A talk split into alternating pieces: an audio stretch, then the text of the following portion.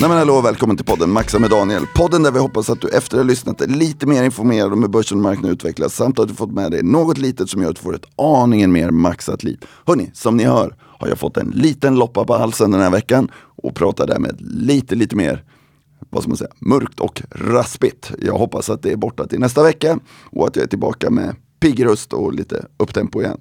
Hörni, mitt namn är Daniel Ljungström, jag leder podden, jag är ansvarig för Private Savings på Max Mathisen. Och Private Savings på Max Mathisen det omfattar Private Banking för den som har lite mer komplex ekonomi.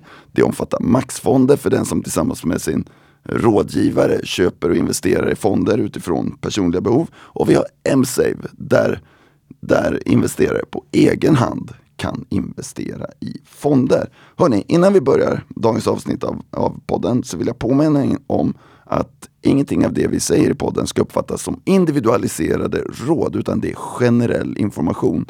Vi kommer också prata fond i det här avsnittet och fonder kan både öka och minska värde och det är inte säkert man får tillbaka hela det investerade beloppet. Och gästernas åsikter, de behöver heller inte stämma överens med Max Mathisens åsikter i alla avseenden. Världen hörni, den är förändlig. Och det gäller inte minst de finansiella marknaderna som många, som många gånger kanske anpassar sig snabbare än något annat till en förändlig omvärld. Nu under veckan har vi sett hur vi anpassar oss till en lägre inflation. Eh, förhoppningsvis kan vi så småningom under våren eller sommaren anpassa oss till en lägre styrränta också. Men i vår omvärld har vi haft det relativt oroligt under senare år och med det har försvar och militär och, och, säkerhet blivit en väldigt, väldigt mycket viktigare fråga. Och det är svårt att veta hur man ska förhålla sig till den här utvecklingen. Förändringen är inte alltid rolig. Vi har ett stort krig i vår närhet och med det prövas tidigare åsikter och beslut. Vi vill alla leva i fred och frihet. Vi vill ha det bra. För mig har det känts naturligt att undvika att investera i bolag som håller på med vapen. Sen kommer ett krig närmare och med det uppstår en situation där vapen krävs för försvar. FN stödjer nationernas rätt att försvara sig vid beväpnade attacker, vilket medför också någon form av rättighet för vapenindustrin. Sverige stöttar Ukraina och vi ansöker om medlemskap i NATO. I veckan som gick blev det en viss uppståndelse när överbefälhavaren Mikael Bydén, som jag ser det, tog diskussionen ett steg längre och sa att vi i Sverige måste förbereda oss för krig. Den tydligt geopolitiska osäkra situationen har medfört att det blir ett ökat fokus på investeringar i säkerhetsrelaterade bolag bland investerare. Det har lanserats börshandlade indexfonder eh, med fokus på försvar och säkerhet och idag har vi i podden så har vi med oss företrädare för fonden Finserv Global Defense Fund för att höra mer om hur de ser på situationen och hur de investerar. Jag påminner då återigen om att gästernas åsikter behöver inte reflektera Max Mathisens åsikter. Och i och med att det är en fond så kan värdet både öka och minska. Det finns risker och det är inte säkert att man får tillbaka hela det investerade beloppet. Dagens gäster är Joakim Agerbäck som är portföljförvaltare och Carl Engelbrektsson Karl, han var tidigare generalmajor och tidigare arméchef. Numera rådgivare till Global Security Fund samt även rådgivare till Handelshögskolan i vissa avseenden. Utan vidare omsvep hörni, så tar vi och hälsar dem båda välkomna till podden för att diskutera investeringar i säkerhet. Med det sagt, välkomna! Om vi börjar med dig Karl, för oss som har begränsad kunskap om det militära, vad innebär det att man är generalmajor och arméchef? Ja, det innebär att man har nått eh, nästan så högt upp du kan komma i den militära hierarkin och sen så var du i mitt fall chef för armén också. Och det är alla markstyrkor, alltså de som genomför verksamhet på marken. Kör allt ifrån stridsvagn till artilleripjäser och infanterister och logistik och sådär. Men är man chef för det, då är man också ansvarig för att eh, se till att de får den utrustning de ska ha. Så man är ansvarig för inköp utav det, träning, utbildning och karriärsystemet. Om, om, man tänker sig militären, jag, jag, vet hur man gör en karriär i, i näringslivet. Men hur gör man karriär i det militära? Ja, det är nästan på samma sätt. Men däremot så har man eh, ju en eh, lite annorlunda inkörsport. Eh, I grunden kan man säga att man eh, bör göra värnplikt. Eh, man kan snedda in på lite andra sätt också, göra en, kortare grundutbildning. Men då har man en akademisk utbildning i botten. Till exempel eh, man kan vara tandläkare eller läkare eller ingenjör eller sådär. Eh, men annars så varvar man teori och praktik. Och så får man betyg varje år och graderat på de betygen som man får, både de akademiska som du får på högskolor och de som du får i praktiken så finns det då uttagnings och befordringskommittéer som eh, plockar upp människor som gör bra ifrån sig och då kan man göra karriär lite fortare om man vill klättra uppåt eller lite långsammare. Eller så gör man eh, karriär på bredden och fördjupar sig i sina ämnesområden och kan bli experter på en mängd olika saker. Mm. Vad skulle du säga, vad var din styrka? Jag är nog bra på att organisera och eh, sätta tydliga mål och få med mig folk mot de målen. Mm i veckan nu då, och det som, som gjorde att det här blev väldigt aktuellt i veckan, hela, hela det säkerhetspolitiska områ eh, området om vi får uttrycka det så, var ju att överbefälhavaren gick ut och sa att vi i Sverige skulle förbereda oss för krig. Vad innebär det när han säger så? Eh, ja, jag vill inte värdera vad ÖB sa, men eh, om jag liksom lägger en tolkning i det så tror jag att effekten som man vill uppnå är att vi behöver höja tröskeln och robustheten i hela samhället genom att vanliga människor också tar det ansvaret som det innebär att få ett mer robust samhälle. Jag brukar säga som så att om vi vanliga människor gör våra förberedelser så att vi som är friska kan hjälpa din granne som är sjuk eller behöver hjälp. Till exempel med att eh, spola i en toalett som det inte finns vatten i utan man får gå på toaletten på ett annat sätt. Mm. Eller gå och handla mat eller eh, tända eld och göra ved eller få värme på annat sätt. Då får vi en helt annan robusthet än om samhällets resurser omedelbart måste engagera sig i små friktioner. Mm. Snöskottning som man kommer ut etc så att samhället är beredd på att vi hjälps åt och då klarar vi de här små friktionerna i samhället som ackumulerat på samhällsnivå blir jättestora om vi inte är förberedda. Du, du använder ordet robust. Går du igenom bild av så här, hur robusta är vi idag och hur robusta borde vi vara? Eller vi, önskar vi vara kanske Vi är betydligt mer robusta idag än vad vi var för några år sedan. Eh, därför att nu börjar vi bygga upp våra lager igen. Det lärde vi oss bland annat under pandemin hur viktigt det är att ha lite redundans eller överskott i våra system. Eh, och den allmänna medvetenheten har också ökat. Eh, och de försvarsmyndigheterna är också, har fått ökade tillskott köpt mer materiell, ökat träning och framförallt så har vi ju ansökt om medlemskap i Nato och är så kallad invitee där och har fått säkerhetsgarantier bilateralt ifrån flera länder. Så på totalen är vi betydligt mer robusta idag. Mm. Men det betyder inte att vi inte har mycket kvar att göra för vi kommer ifrån decennier av nedmontering utav vårt totalförsvar. Det är inte bara det militära utan den största delen av det är ju det civila samhällets resurser också. Mm. Går, går det att få någon bild över hur det här ser ut på, på lite mer så global bas eller på, på liksom större nivå? Vad, vad kommer världen, hur ser världens liksom utveckling ut på området? Om alla ska bygga ett försvar, vad innebär det? Ja, det innebär ju nu att det investeras väldigt mycket i, eh, kan man säga, samtliga väst, i väst i stort. Då, för de som eh, tog eh, freden för given och tyckte att vi hade nu lämnat historien och det skulle gå mot evig fred har rustat ner i väldigt, väldigt omfattande. och det kan man säga traditionellt hela väst utom USA, även om USA lite grann också har rustat ner. Finland har inte direkt rustat ner heller utan de har eh, inte glömt att det kan bli krig. Så, så, de har ett, en stor volym kvar. Mm. Man kan väl också säga att vi levde i någon form av fiktion där man trodde att det framtida kriget kommer att vara mer kliniskt och tekniskt och mer precision. Och det här eh, brutala eh, volymkriget som vi nu ser i Ukraina mm. var många som så att säga hade räknat bort. Mm. Men jag brukar säga att människan har inte utvecklats så väldigt mycket genom generationerna. Nej.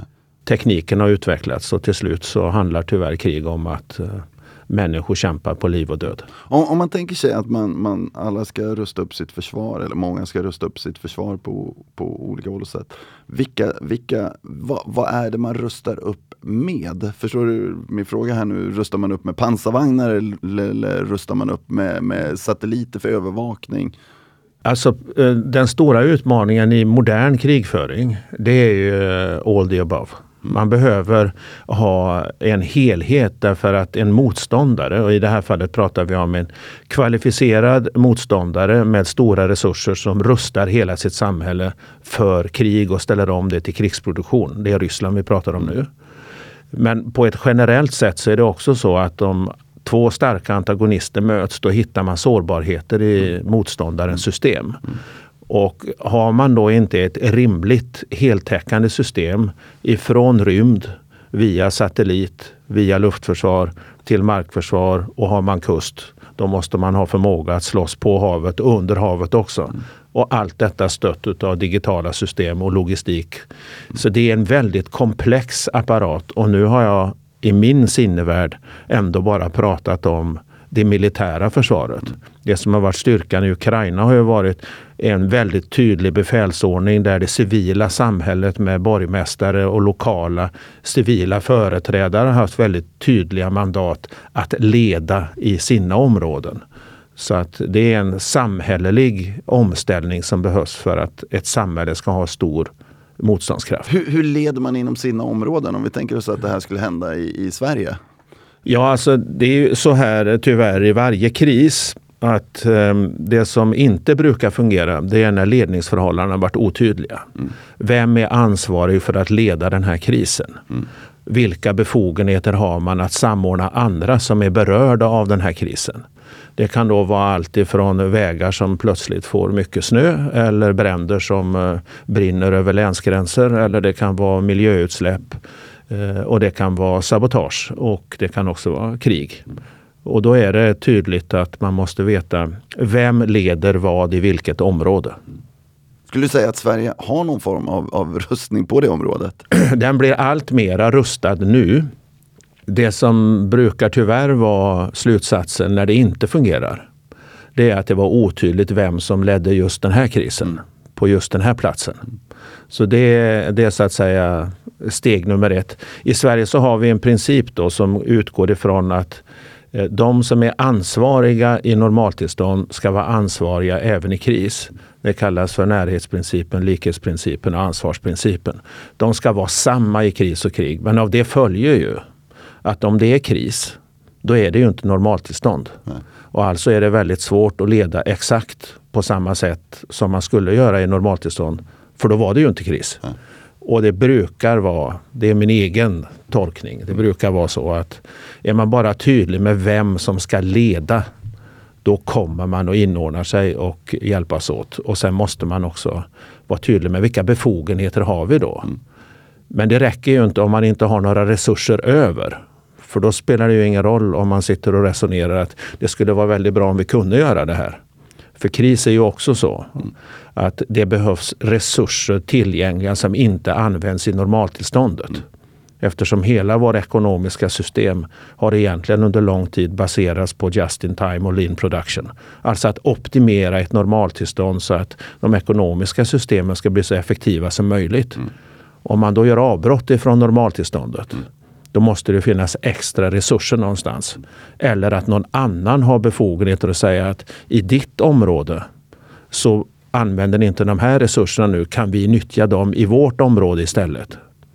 Det blev ju, det blev ju varse faktiskt de sista åren med covid. Exakt så. Och, och där fick vi träna på det faktum att, att, att lagen inte var jättestora överallt. E, exakt, och, och, vi fick också träna på, vilket jag tycker är en annat svar på den robusthet som finns i Sverige. Sverige är en industrination. Sverige har en bra försvarsindustri. I förhållande till vår befolkningsstorlek så är den ju obegripligt framgångsrik och duktig och stor. Men där var det många civila företag som ställde om och utan ekonomiska system mm. Eh, levererade för det goda och ställde om sin produktion och gjorde skyddsutrustning till exempel eller fler syrgastuber ja, etc. För att samhället behövde det. Mm. Och då spelar det en väldigt stor roll att man har en industrikapacitet som kan göra något i händelse av behov mm. och kan öka sin produktion. Mm. Joakim, ni, ni, startade fond på det här området för i runda slängar tre år sedan. Mm. Kan man säga? Ja, fem år sedan nästan. Fem, fem år sedan. Jag följde bara historiken tre Ja. år tillbaka faktiskt. Om, man tar, vad såg ni för case vid det tillfället? För då såg inte riktigt världen ut som den gör idag. Vad var själva ursprunget till fonden? Nej men partners, eh, de som är partners bakom fonden, jag har varit med sedan start också. Vi såg ju på ett tidigt stadium, en del i det är ju att eh, hela vårt team kom ju med en försvars och underrättelsebakgrund. Att man såg globala megatrender inom försvar, totalförsvar, cybersäkerhet men även rymd också. Eh, så att det var väldigt tydligt att vi skulle få ett skeende i den här riktningen. Inte eh, konflikter eller, men, men att vi behöver ett starkare försvar i västerländska demokratier och allierade med dem.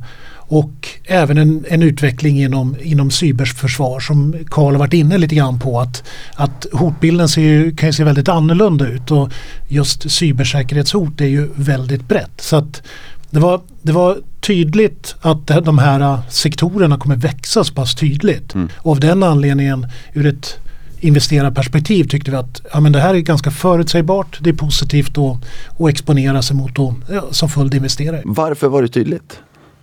Ja, det var ju, Vad, vad var det som var tydligt så att säga? men det det- var inte så tydligt för mig. Nej, nej men det man kan säga lite grann det är att dels har vi den här re- rena försvarsupprustningen men sen har vi också andra underliggande trender i samhället. Att vi har en demokratisk tillbakagång sedan ungefär 2012. Vi tar oss tillbaka 35 år i tiden sett till hur det ser ut med eh, demokratiska rättigheter, medborgerliga rättigheter. Eh, det ger en viss effekt. Och framförallt så har vi en, eh, de som, är, som inte följer den regelstyrda världsordningen, mer totalitära regimer utmanar ju den världsordning vi har. Så man brukar säga att det finns en unison världsordning som styrs huvudsakligen av USA och eh, med ett par västerländska allierade. Den här världsordningen utmanas ju i mycket högre utsträckning nu. Och det här gör ju att de här trenderna blir tydliga. Det blir effekter utav det. Och det här ser man inte bara inom försvar utan det är ju även global handel. Mm. En, en fråga som jag tycker är relevant i sammanhanget som jag inledde med att säga det var att jag, jag personligen är, är en fredivrare av rang vill jag säga och, och jag tycker krig är, är liksom obehagligt. Numera så är jag ju glad åt ett försvar också, eh, måste jag villigt tillstå. Och det var ett perspektiv man inte hade tidigare. Och, och man har pratat hållbara investeringar tidigare och då har ju ofta vapen varit någonting som man inte investerar i. Hur, hur, hur diskuterar investerare eh, med er idag kring den frågan? Nej, men den frågan har vi fått ända sedan start. Sen ser vi ju en väldigt tydlig förändring. Och det man bör säga också, det som har hänt under den här perioden, det är att EU har sett ett mycket tydligare regelverk kring hållbarhet. Som har också varit ganska komplext, både för privata sparare men till och med för institutionella investerare. Vilket gör att man blir lite försiktig till sektorn. Och eh, vissa delar i sektorn kanske har varit kontroversiell historiskt. Men, men det är av otrolig vikt just till det koppling som jag var inne på med de här trenderna. Men det vi ser framförallt det är en väldigt tydlig, samma institution i EU som sätter de här regelverken går nu väldigt tydligt ut och visar på att det finns ett stort behov av investeringar och finansiering i den här sektorn. Och man vill försöka gynna det. Så att EUs, jag har skrivit lite grann om det här ämnet och EUs försvarsministrar går ut gemensamt och säger att man får inte missgynna den här sektorn ur ett hållbarhets, med, med, med hållbarhetsargument utan det här, är, det här är viktigt och ansvarsfullt och behövs verkligen. Vi har Europarådet Europarådets ordförande som går ut och säger att eh, vi bör sätta upp gröna obligationer, alltså en ty- typ av ränteinstrument för att få in tillräckligt med kapital. Karl var ju inne på det lite grann att vi behöver både statliga försvarsanslag men vi behöver också eh, investeringar från näringslivet och eh, privat för att kunna möta behovet helt enkelt. Så, så ur fondens perspektiv, vart ser ni, vart, ser, vart, vart, vad är den drivaren så att säga bakom eventuell värdeutveckling? Vad är, man, vad är man så att säga, om man investerar i fonden eller tänker sig fondens eh, liksom, utveckling. Vad, vad spelar roll för den här typen av bolag som, som ni investerar i? Ja, det är framförallt det vi, det vi tittar på. Det är långsiktiga trender. Hur bolag eh, drar nytta av att man gör eh, långsiktiga investeringar för att bygga upp ett trovärdigt försvar i västerländska demokratier. Så att det här ger ju som följd då en ökad omsättning, ökade vinster och vinsttillväxt. Och det är det som huvudsakligen driver eh, eh, kurserna i aktiemarknaden. Vilka är kunderna till de här bolagen? Är det stater som är kunder eller är det både stater och privata? Liksom, hur ser, hur ser liksom efterfrågan ut på, på säkerhetsrelaterade produkter? Ja, det är, ju, det är ju framförallt stater som utgör de stora, åtminstone i de bolagen vi investerar i. Det här är ju bolag som också är, har stor exponering mot rymd och stora investeringar där i satelliter och liknande som är väldigt liksom, viktigt för, för digitaliseringen som pågår. Men det är klart att det är näringsliv också. Eh, som, där, där de har som kunder och man ser ju att produktfloran breddas hela tiden hos de här försvarsbolagen. Mm. Om vi tänker oss, du, du, nämnde tidigare att det fanns ett par olika liksom, större trender. Vilka är de här större trenderna? Kan, kan man, kan man liksom sortera fram dem? Ja, alltså den, det, man säger, vi har vi riktar in oss på tre huvudsakliga sektorer igen. Mm. Och det är försvarsindustri, totalförsvar egentligen, cybersäkerhet och rymd.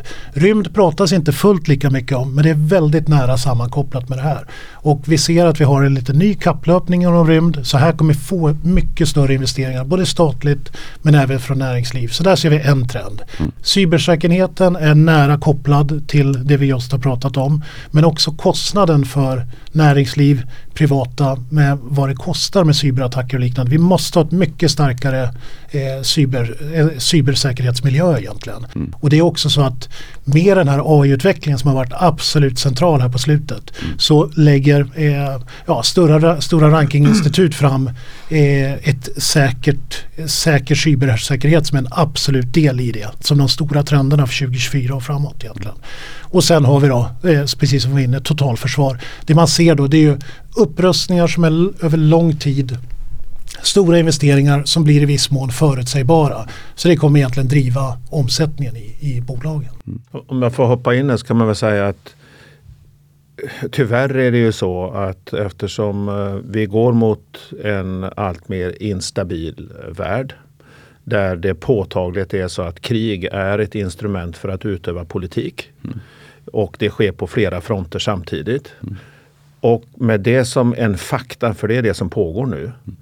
Och också som fakta att väldigt många länder under lång tid har rustat ner sina totalförsvar. Inte bara det militära försvaret utan samhällets robusthet för att komma tillbaka till den inledande frågan. Mm. Till exempel så måste vi veta vilka vägar och vilka hamnar kan ta emot stridsvagnar som kan väga ungefär 70 ton styck. Mm.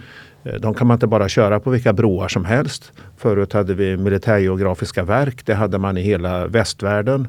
Den där sakerna bygger vi upp nu igen. Och har man transporterat dem på järnväg så måste man kunna lasta av dem någonstans. Och det kan man inte bara göra om man inte har avlastningsramper. Nej. Så att det blir infrastrukturinvesteringar, de är väldigt långsiktiga. Mm. Vid sidan utav vapeninvesteringar.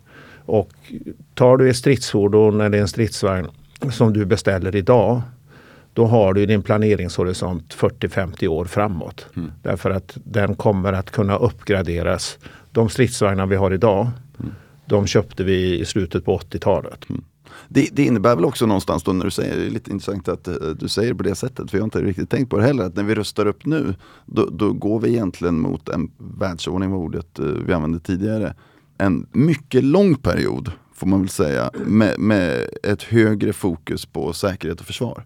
Exakt. Eh, och det är ju också då beroende på att hotbilden ser ut så att eh, antagonisten har tydligt visat att man är redo att använda vapenmakt för att lägga under sig andras territorium. Mm. Och så länge de har den ambitionen och så länge de inte har genomgått någon radikal förändring i sitt samhälle då kommer ju motståndaren, eller i det här fallet vi, mm. att behöva rusta upp själva så att detta aldrig inträffar igen. Så vi får inte förledas att tro att när kriget nu förhoppningsvis så snart som möjligt kommer till en annan nivå, att nu är faran över. Utan det gäller ju att försätta de goda krafterna, den demokratiska världsordningen, på en plats så att de som vill utmana oss inte kommer på den tanken igen för de tror att vi är för svaga rent rustningsmässigt men också mentalt och viljemässigt. Och det här är ett samspel som vi måste tyvärr investera i. För människan har historiskt tyvärr inte ändrats så mycket.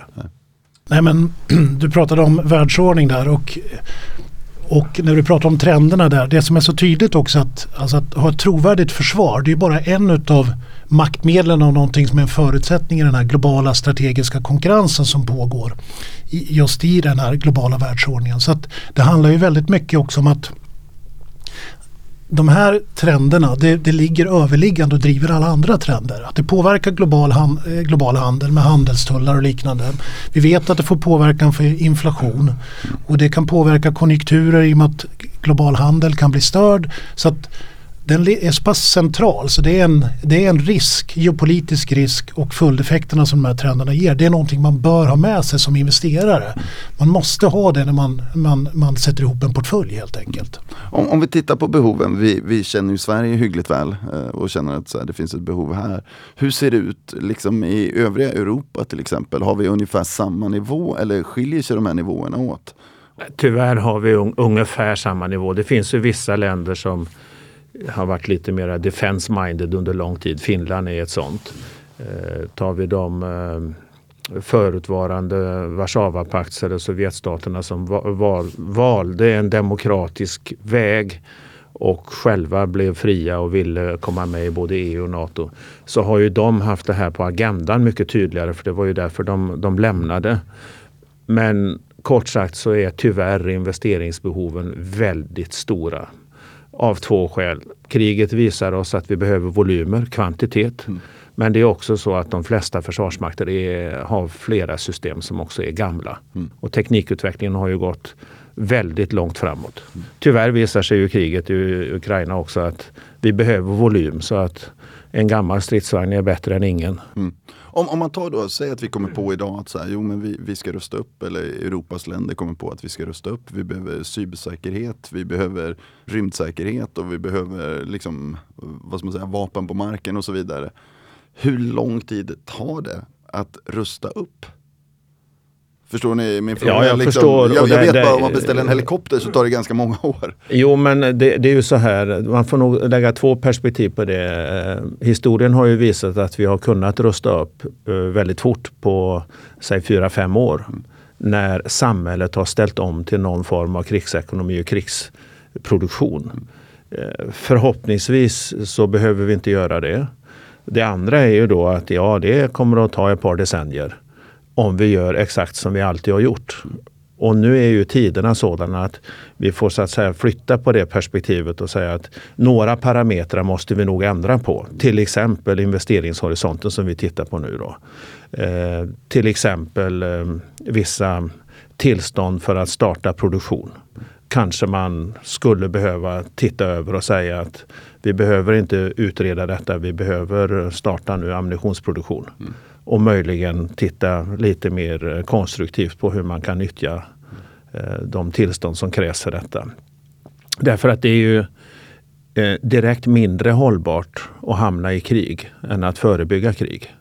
Och jag kan också förstå att det är tveksamheter till, eh, vilket jag själv naturligtvis tycker som vanlig samhällsmedborgare, att det är beklagligt att man behöver lägga substantiella medel på att höja det militära och det civila försvaret mot krig. Mm. Eh, men att inte göra det och försätta sig som den svage och bli utsatt för krig. Mm. Eh, det är mycket värre och det är mycket mer kostsamt. Och det är ju därför som ett alliansbyggande är också en väldigt viktig del i detta. Och med allians då menar vi NATO? Då menar vi NATO. Vad innebär NATO för Sverige och för en sån här försvarsprocess? Innebär det att vi rör oss fortare fram eller innebär det att vi får fler kompisar i händelse av krig? Att vi liksom blir hotfulla? Jag skulle säga att det innebär både och därför att eh, en stor skillnad med att komma med i NATO det är att vi inte äger narrativet själv. Vi har ju kunnat själv definiera vad vi tycker är rätt. Och det är ju både bra och dåligt. Men om man är en allians och jag tror att det kan vara bra för Sverige rent mentalt. För vi är ju ofta så att um, om vi har någon annan att hänvisa till så är vi lite lättare på bollen mm. än att här, tycka själv. Ja. Och här får, vi, här får vi hjälp med uh, demokratiska länder som har samma värden i grunden som oss som sätter försvaret på agendan och kommer att ställa krav på vad är rimligt för Sverige som nation givet sin ekonomi och populationsstorlek? Mm. Och då kommer det att ställas så att säga, krav på vad som är rimligt för ett sådant försvar. Mm. Och det är, kommer man då fram till att vårt försvar är för litet i förhållande till detta. Mm. Joakim, en, en, fråga som jag satt och tänkte på när vi pratade om det. Vi pratade om de här tre olika stora trenderna. Man tänker sig många gånger, eller, och jag tänker mig kanske framförallt när man, när man pratar om eh, en försvarsfond och så vidare, att man investerar i företag som egentligen bara tillverkar vapen i största allmänhet. Så är det väl egentligen inte riktigt, utan mycket av det som ni kan investera i är sådana som, som skapar teknologi som kan användas till försvar och så vidare. Kan vi prata lite om vad det kan vara för typ av bolag? Eh, jo men just det faktum som jag var inne på tidigare med eh, rymden. Jag tror att rymden kommer få en nyckelroll för eh, klimatet framöver. Dels för att kunna mäta det på ett bra sätt. Vi, behöver, eh, vi kanske kommer i situationen att vi behöver fånga upp koldioxid, så kallad carbon capture. Och där kommer de här eh, stora försvarsbolagen som, som är, har stor infrastruktur där uppe vara centrala. Och sen läggs det väldigt mycket pengar på innovation. Mm. Det, det kan ju nämnas också att Eh, enligt NATO 20 procent utav den, den del man ska lägga på försvarsanslagen ska ju gå till förmån för innovation också. Mm. Som är en väsentlig del. Och det tycker jag är väldigt viktigt också. Och där går ju EU nu och pratar ut i en ny rapport också om att de ska försöka stärka den här innovation och dual use. Det vill säga att man, att man ska kunna använda forskningen för fredliga ändamål och gärna med koppling till klimatet. Så vi ser det som en absolut nyckel. Det kan ta tid, det är svårt att bedöma precis över vilken tidsperiod. Men jag tror eh, det har en väsentlig del i teknologi tror jag har en väsentlig del i att lösa klimatmålen och där tror jag den här typen av bolag men också från andra sektorer är väldigt viktiga. Mm. Men man kan göra det väldigt mycket enklare också och säga att det faktum att vi har en stark industribas i Sverige, till exempel eh, lastbilsindustrin. Eh, men vi har eh, andra saker. Vi, har, vi är väldigt högteknologiska när det gäller sensorer, radarer och, och sak, drönare. Och vad är det som är militärt och vad är det som är civilt?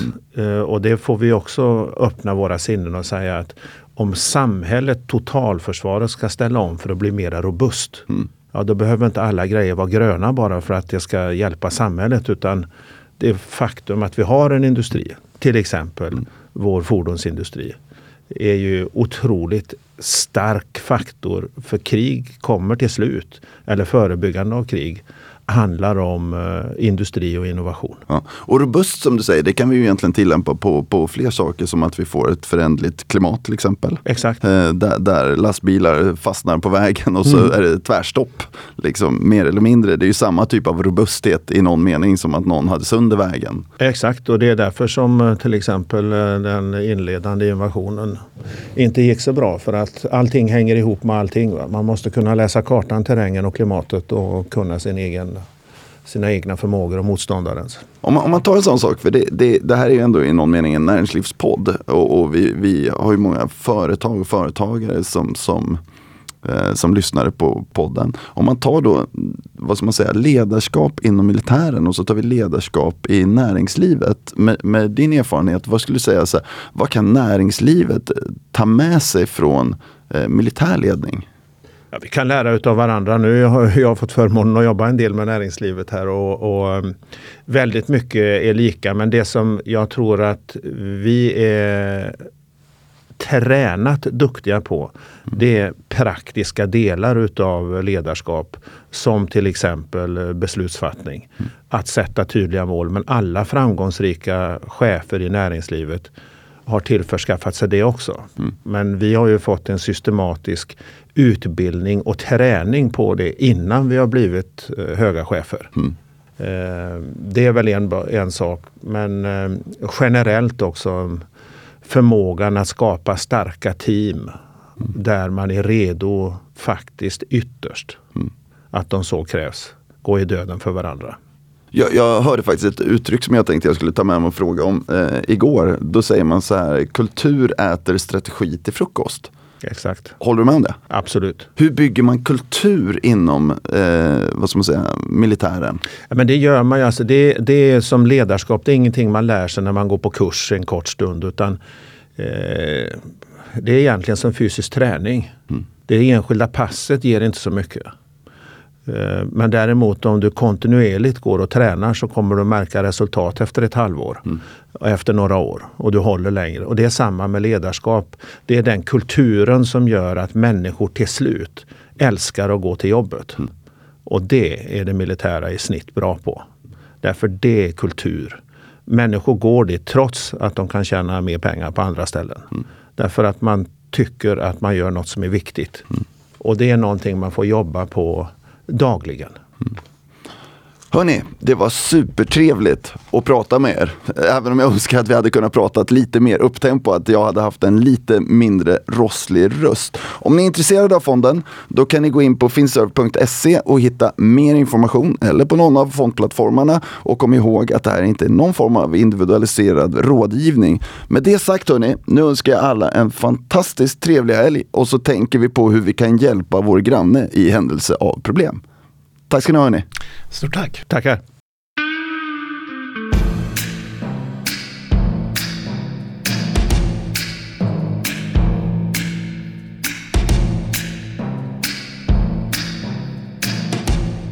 Investeringar i finansiella instrument är förknippade med risk och en investering kan både öka och minska i värde eller komma att bli värdelös.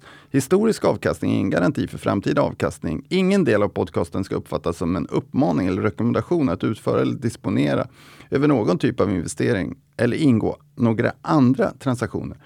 De uppfattningar som redogjorts för i podcasten återspeglar de medverkans uppfattning för tillfället och kan således komma att ändras. Informationen i podcasten tar inte hänsyn till någon specifik mottagares särskilda investeringsmål, ekonomiska situation eller behov. Informationen är inte att betrakta som en personlig rekommendation eller investeringsråd. Adekvat och professionell rådgivning ska alltid inhämtas innan några investeringsbeslut fattas och varje sådant investeringsbeslut fattas då självständigt av kunden och på dennes eget ansvar. Max Mathisen frånsäger sig allt ansvar för direkt eller indirekt förlust eller skada som grundar sig på användandet av information i podcasten.